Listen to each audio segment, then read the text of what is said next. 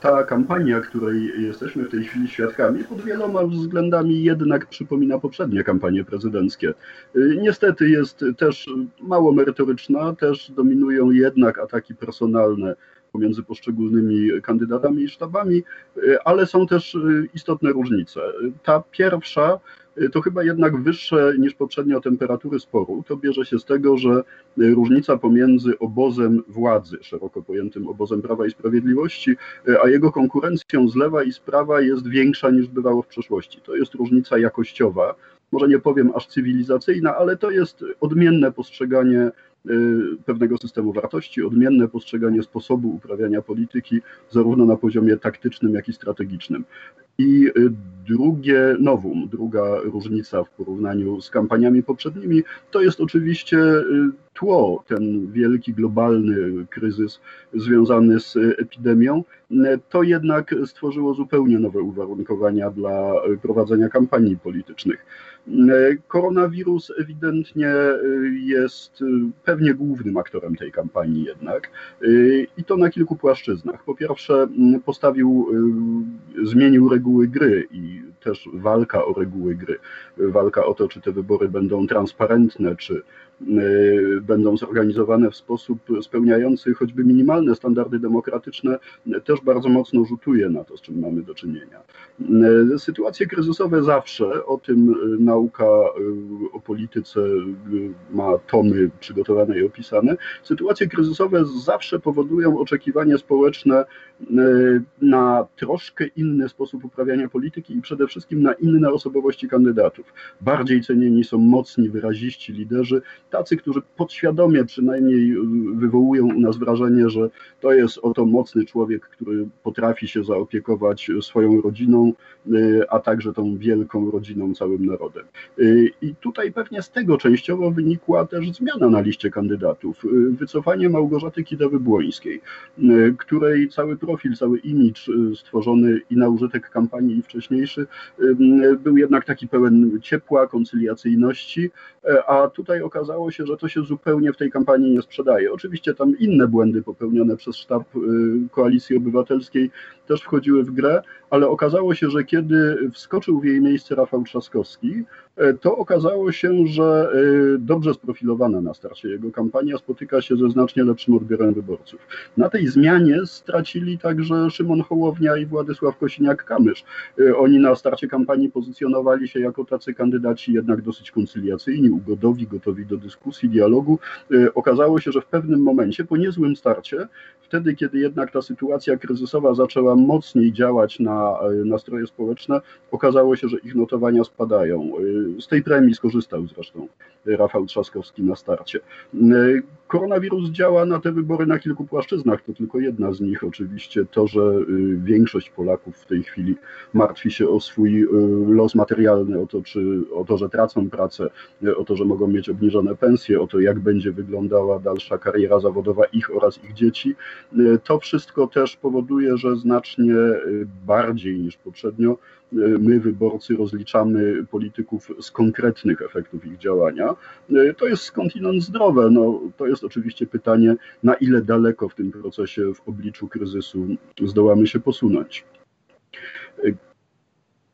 Te y, problemy działają y, związane z epidemią, te problemy działają pewnie jednak najbardziej na niekorzyść kandydata związanego z władzą. To też mechanizm dosyć oczywisty. E, Andrzej Duda, który mm, jeszcze parę miesięcy temu był uważany za pewnego faworyta tych wyborów, e, nawet za potencjalnego zwycięzcę w pierwszej turze, e, teraz sukcesu w pierwszej turze pewnym być nie może. Pewnie też dlatego, że odpowiada i za swoje własne błędy i zaniedbania, ale odpowiada też za niezawinione przez siebie bezpośrednio zaniedbania rządu. Taktyka Prawa i Sprawiedliwości w ostatnich dniach tej kampanii jest zresztą dosyć sprytna. E, rządu jest mniej w mediach debatach premiera Morawieckiego jest mniej, mniej jest ministra Szumowskiego, a więc tych polityków, którzy i zaniedbaniami merytorycznymi są mocno obciążeni i też tak jak w wypadku ministra Łukasza Szumowskiego, też pewnymi bardzo niejasnymi sytuacjami związanymi czy to z zakupem maseczek, czy respiratorów, czy nawet jego osobistym majątkiem. Trudno powiedzieć, czy te kłopoty przełożą się ostatecznie na notowania Andrzeja Dudy, ale już w tych tygodniach poprzedzających głosowanie niewątpliwie to tąpnięcie też było związane właśnie z tymi kwestiami. Jakość tej kampanii i jakość prowadzonej w jej trakcie debaty chyba jednak cierpi na tym, co się dzieje. No, przykładem tego była choćby debata w telewizji publicznej, kiedy pytano kandydatów o sprawy z punktu widzenia już nawet nie kompetencji prezydenta, ale w ogóle polityki państwowej trzecio, piątorzędne albo gdzieś tam jeszcze niżej lokujące się w hierarchii. Nie odnoszono się do, nie tylko do tego kryzysu epidemicznego, do tego, jak wyciągnąć gospodarkę, albo było tego bardzo mało z ewidentnej zapaści, ale nie odnoszono się do wyzwań przyszłości, na które prezydent, reprezentant kraju jednak będzie miał spory wpływ i korygując politykę krajową i mając możliwość słuchanych bardzo mocno przez światową opinię publiczną wystąpień na różnych forach, czy to w ONZ, czy w Davos, czy w tysiącu innych miejsc. Nie mówiono o bardzo dynamicznych y, przemianach na obszarze postradzieckim, także o tym, co dzieje się w tej chwili na Białorusi, tuż za naszą granicą. Y, nie mówiono o skoku technologicznym, jaki będzie wiązał się z wdrażaniem technologii 5G i z prawdopodobną rewolucją energetyczną w Europie związaną z wdrażaniem technologii tak zwanego zielonego wodoru i tak dalej, i tak dalej. Nie mówiono o wielu konfliktach globalnych, które tylko pozornie dzieją się bardzo daleko od nas, ale tak naprawdę w tym zglobalizowanym świecie mogą się przełożyć na interesy Polaków y, we wsiach, małych miasteczkach i miastach bardzo bezpośrednio. Y, to jest jakaś słabość tej debaty i to jest coś, nad czym nieodmiennie y, większość ekspertów i słusznie ubolewa. Podobieństwo do poprzedniej kampanii mówiłem, że jest właśnie w tej niemerytoryczności. tak jak poprzednio, kandydaci obiecują masę rzeczy, obiecują każdemu, że będzie zdrowszy, bogatszy i, i żartobliwie mówiąc, będzie miał jeszcze ładniejszą żonę albo przystojniejszego męża, kiedy wygra akurat ten kandydat. I znowu, to jest gdzieś na bardzo głębokim poziomie, moim zdaniem, słabość naszej edukacji obywatelskiej. Większość dorosłych Polaków, także ci, którzy mieli w szkole naukę o społeczeństwie, czy WOS, czy jak to się ten przedmiot na poszczególnych etapach historycznych nazywał, większość dorosłych Polaków, nawet mających wyższe wykształcenie, nawet aktywnych publicznie, bardzo często pokazuje w tych swoich wystąpieniach, rozmowach, że zupełnie nie zdaje sobie sprawy z tego, jakie jest y, prawne, konstytucyjne umocowanie poszczególnych organów władz, w tym prezydenta. Y, wielu ludzi wierzy, że prezydent na przykład jak obiecuje jakieś y, kroki związane z rozdaniem dodatkowych pieniędzy albo z zabraniem, y, to prezydent ma taką władzę, że po prostu weźmie to i zrobi. Oczywiście nie. Prezydent wpływu na tego typu sytuacje w polityce wewnętrznej nie ma praktycznie żadnej. Jego wpływ na politykę zagraniczną też jest bardzo często pośredni. Ja jestem daleko, daleki od twierdzenia, że prezydent to jest tylko strażnik Żyrandola, ale właśnie ta pośredniość wpływu, wpływ związany z autorytetem pierwszej osoby w państwie, wpływ y, wynikający z tego, że prezydent może negocjować z rządem i parlamentem, może na przykład szantażować wetem koalicję rządzącą, ale tę bezpośrednią moc sprawczą ma jednak bardzo ograniczoną. Jak się słucha kandydatów, jak się słucha ich zwolenników, to mam wrażenie, że zbiorowo o, tym, o tych ograniczeniach kompetencji prezydenta y, wszyscy zapominają. No bo tak jest pewnie łatwiej ze strony polityków, to jest podejrzewam w dużej mierze taktyka.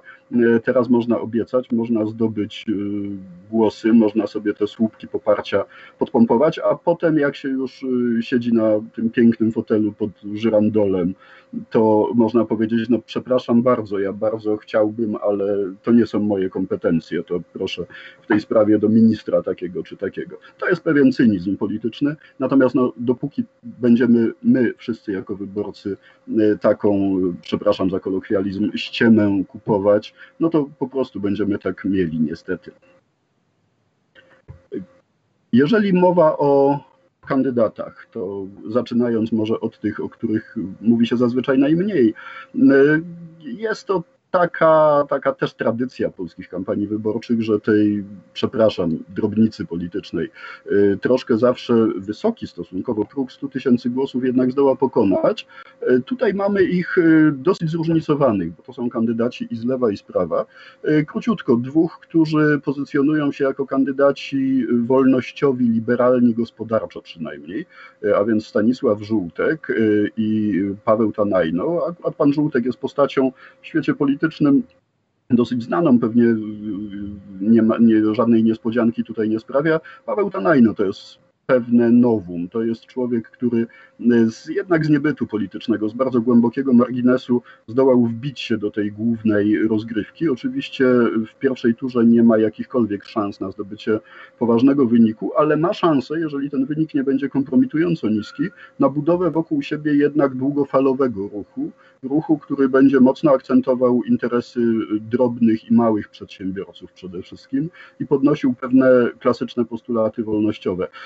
Powiem, że patrzę na to z sympatią, pomimo wielu taktycznych błędów, jakie Paweł Tanajno moim zdaniem popełnia na tym etapie, to w Polsce taka partia, taki ruch, który mocniej łączyłby wolnościowe, liberalne postulaty gospodarcze z pewnym liberalizmem obyczajowym i ze skłonnością do podnoszenia wolnościowych haseł także w tym zakresie, taki ruch jest Polsce potrzebny. Nie wiem, czy stworzy go Paweł Tanajno, ale jego kandydatura jest pewnie krokiem w tę stronę. Pan Witkowski to jest stara Unia Pracy i stara Lewica, pomimo niezłego występu w debacie telewizyjnej, pewnie bez szans na odegranie większej roli. Pan profesor Piotrowski z kolei to taka bardzo, bardzo, bardzo konserwatywna prawica i też pewnie bez większych perspektyw, bo są lepsi kandydaci dla tego elektoratu. Natomiast y, y, Marek Jakubiak to już chyba przebrzmiała karta i y, kandydat, który w ogóle pewnie gdzieś tam z powodów taktycznych przez obóz obecnie rządzący został w pewnym momencie dorzucony do tej puli. Wiele wskazuje na to, że ktoś mu pomógł zebrać te podpisy, y, więc też jakiejś wielkiej kariery i roli politycznej mu nie wróżę. Natomiast gra rozgrywa się pomiędzy tymi kandydatami pozycjonowanymi wyżej w sondażu i tutaj, żeby nikogo nie urazić, pozwolę sobie na tyle, na ile mi się uda zachować kolejność alfabetyczną, Pewnym zaskoczeniem są moim zdaniem niskie notowania Roberta Biedronia. To świadczy i o słabości całej lewicy jednak, o tym, że ona nadal w sensie programowym nie może znaleźć e, sobie dobrego miejsca na polskiej scenie politycznej. E, bo tak, postulaty socjalne, tradycyjnie należące do tego spektrum uznawanego za lewicowe, w dużej mierze zagospodarowuje jednak Prawo i Sprawiedliwość. E, I trafia z tym przekazem, no zwłaszcza, że nie tylko mówi, ale jednak wiele wiele rzeczy robi, albo sprawia dobre wrażenie i skuteczne, że robi wiele rzeczy w zakresie opieki nad słabszymi i potrzebującymi. Więc tych wyborców, którzy kiedyś należeli w szczycie jego potęgi do Sojuszu Lewicy Demokratycznej, Prawo i Sprawiedliwość dzisiaj w dużej mierze przejęło. Same hasła bardzo radykalne, obyczajowe, no, pokazują, że jednak w Polsce nie pozwalają przebić pewnego szklanego sufitu y, i Lewica na wyjście z tego dylematu niespecjalnie ma pomysł. Y, ale na to ograniczenia nałożyły się tu jeszcze problemy moim zdaniem wynikające z czego innego. E, otóż sam Robert Biedroń jest nieprzekonującym kandydatem. On jednak swoją szansę na e, odegranie wielkiej roli politycznej w moim przekonaniu stracił. E, miał ten przysłowiowy złoty róg jakiś czas temu, kiedy i chyba tam popełnił błąd, pozycjonując swój ruch, swoją wiosnę, jednak dosyć blisko tej lewej skrajności, a zaniedbując szansę, którą miał na budowę dużego ruchu politycznego od centrum po lewicę. Zabrakło tego ukłonu, być może to też kwestia współpracowników, jakich sobie dobrał, to jest jednak ta dosyć radykalna lewica obyczajowa wyłącznie. No i stało się i zsunęło się w niszę, a jeszcze w różnych negocjacjach ze starymi wyjadaczami z SLD też został chyba troszkę tutaj wystawiony na strzał. No miota się teraz, próbuje różne rzeczy, ale moim zdaniem chleba z tej mąki to już raczej nie będzie. Kolejny kandydat to Krzysztof Bosak. Człowiek też, mimo relatywnie młodego wieku, wcale nie nowy w polityce.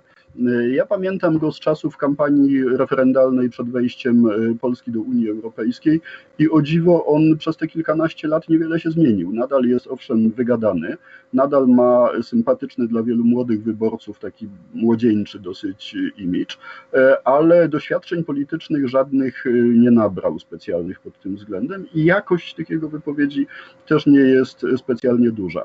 Nie samemu Krzysztofowi Bosakowi moim zdaniem, natomiast tym środowiskom, które stoją dzisiaj za Konfederacją, mimo wszystko bez względu na wynik tych wyborów, wróżę jednak odgrywania nadal sporej roli w polskiej polityce. Takim ruchom jak te, które się na Konfederację składają, zazwyczaj służą sytuacje kryzysowe. A y, niestety, mówię to, stawiam tę prognozę y, bez entuzjazmu, ale na to niestety wygląda, że y, z kryzysem musimy nauczyć się żyć. Ten kryzys, y, nawet jeżeli nie wrócą kolejne fazy kryzysu pandemicznego, y, to ten świat będzie brnął w kolejne kryzysy ekonomiczne, polityczne, strategiczne. Y, ludzie będą mieli większy poziom frustracji, większy poziom obaw o swoje jutro. Dla takich radykalnych ruchów o charakterze prawicowym będzie to otwierało pole. W wypadku Polski, moim zdaniem, z innym już wtedy liderem, z innym frontmanem niż Krzysztof Krzysztof Bosak. Kolejny kandydat to Władysław Kosiniak-Kamysz. Krew z krwi, kość z kości starego ZSL-owskiego, jeszcze nawet nie PSL-owskiego elektoratu, ale dość sprytnie y, sprzedany, wypozycjonowany na starcie tej kampanii jako potencjalny lider umiarkowanej, takiej chadeckiej prawicy, tej ludowości w rozumieniu takim, jaka ona, jak często występuje na zachodzie Europy, choćby w Niemczech. To marketing polityczny w dużej mierze. To jest jednak kandydat tego twardego aktywu PSL-owskiego, ale owszem, z perspektywami, gdyby zdołał pozostać w wielkiej grze, na wzięcie udziału, może nie jako lider, jako jeden z liderów, na wzięcie udziału w budowie nowego obozu umiarkowanej prawicy w Polsce. Polsce. No tyle, że są już dosyć wiarygodne pogłoski, że ta kampania jest dla niego tylko przygrywką do walki o inną prezydenturę, o prezydenturę Krakowa. Ma bardzo dobre stosunki z obecnym prezydentem profesorem Majchrowskim i e, wtajemniczeni Krakusi zaczynają coś mówić, że chyba profesor Majchrowski Władysława Kosiniaka-Kamysza już na swojego następcę namaścił, w związku z czym pewnie po tej kampanii prezydenckiej, w której już widać, że pan Kosiniak-Kamysz jakiejś szczególnie ważnej roli nie odegra, pewnie skupi się nie na polityce krajowej, ale na lokalnej polityce krakowskiej, z widokami niewątpliwie na pewien sukces z kolei tam. Jeżeli mm,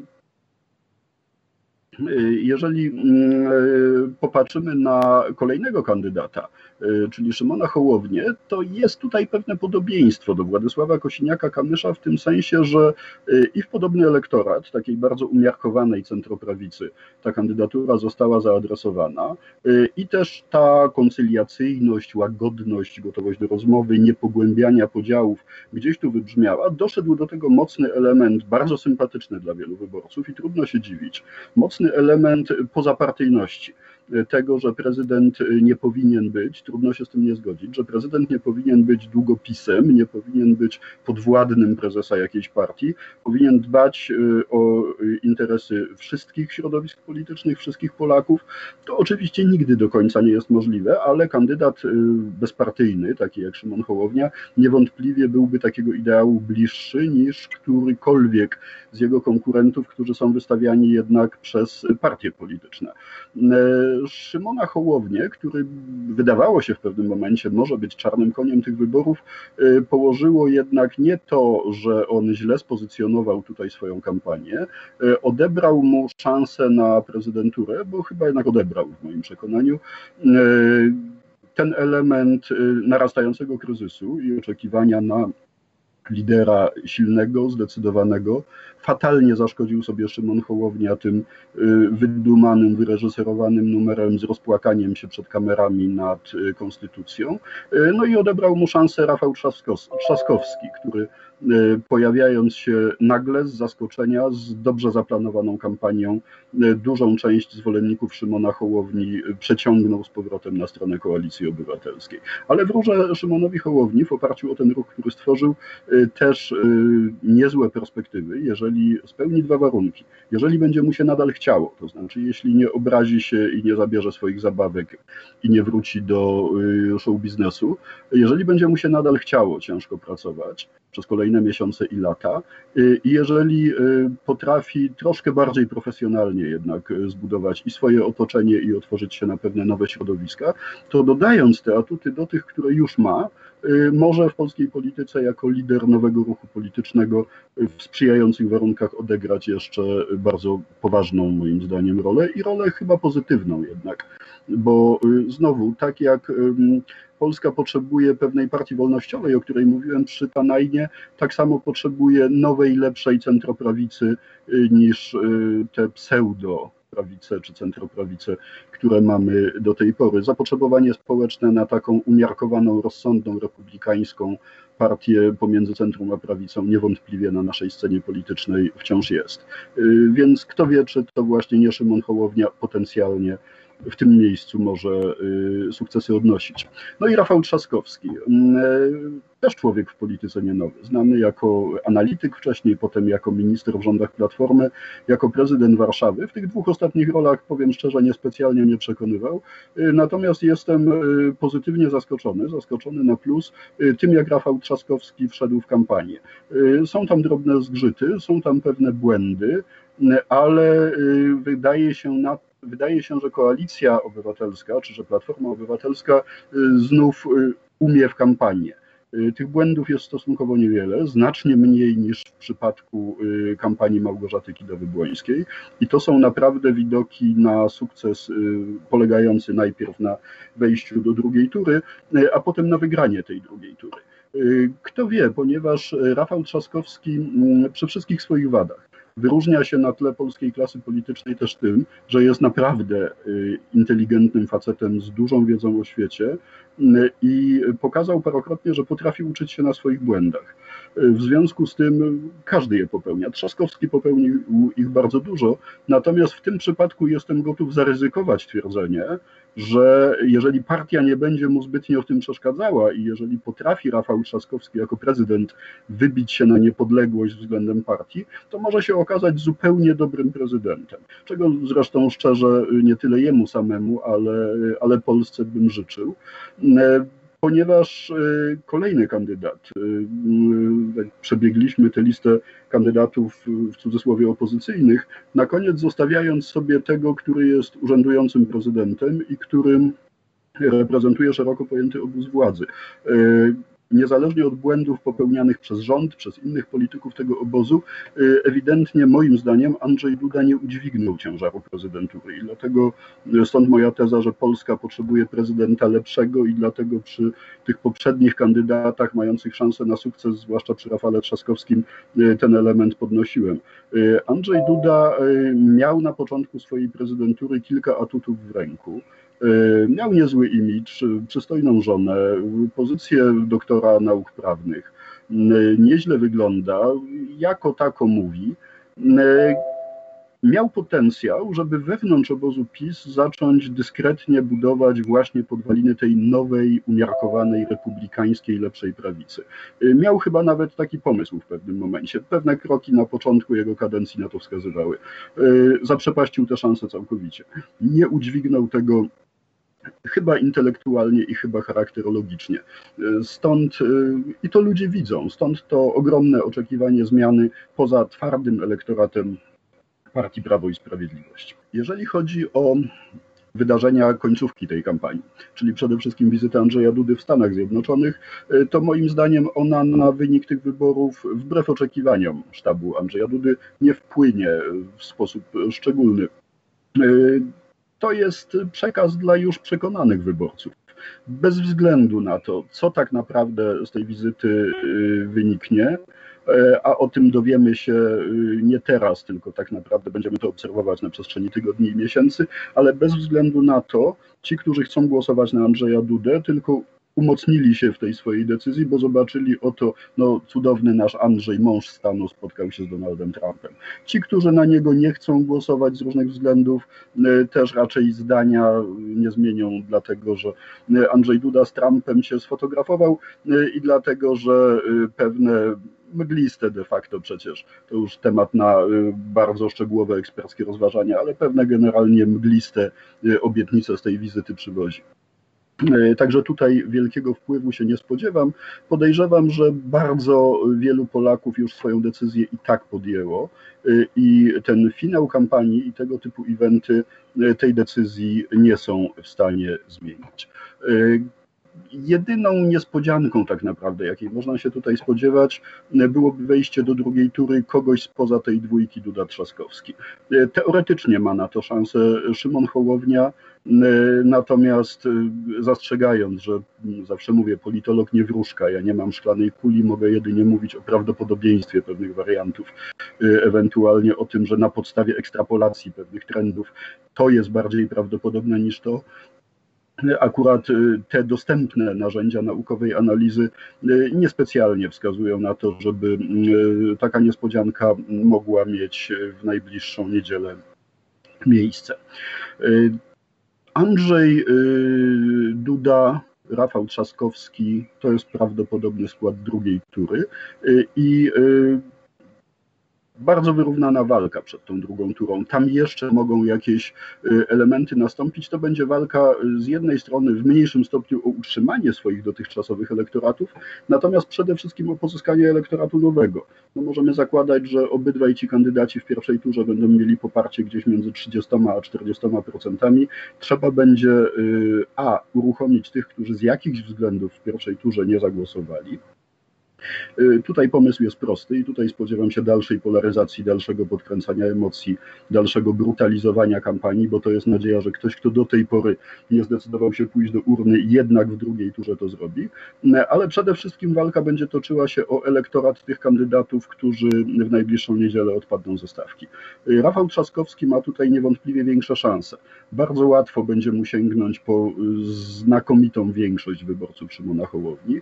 Dosyć łatwo będzie mu sięgnąć sięgnąć po sporą większość wyborców Władysława Kosiniaka-Kamysza. Jakaś ich część być może przerzuci swoje głosy na Andrzeja Dudę, ale bardzo niewielka. Dosyć łatwo będzie mimo wszystko Rafałowi Trzaskowskiemu zdobyć też głosy lewicy, a więc ten elektorat, który raczej Roberta Biedronia poprze za pierwszym razem. Otwartym pozostaje pytanie o elektorat Konfederacji, czyli Krzysztofa Bosaka. Moim zdaniem niewielka część tego elektoratu pójdzie głosować na Andrzeja Dudę zbyt wiele rzeczy w wizerunku Andrzeja Dudy i w konkretnej polityce prowadzonej przez Prawo i Sprawiedliwość tym wyborcom będzie przeszkadzało. Ten elektorat bardzo prawdopodobne, że pozostanie w domu w czasie drugiej tury i może się okazać, że jeśli Andrzej Duda po te jedyne swoje rezerwy nie da rady sięgnąć, to yy, obstawiałbym wtedy, że drugą turę minimalnie, bo minimalnie, ale z Rafałem Trzaskowskim przegrywa.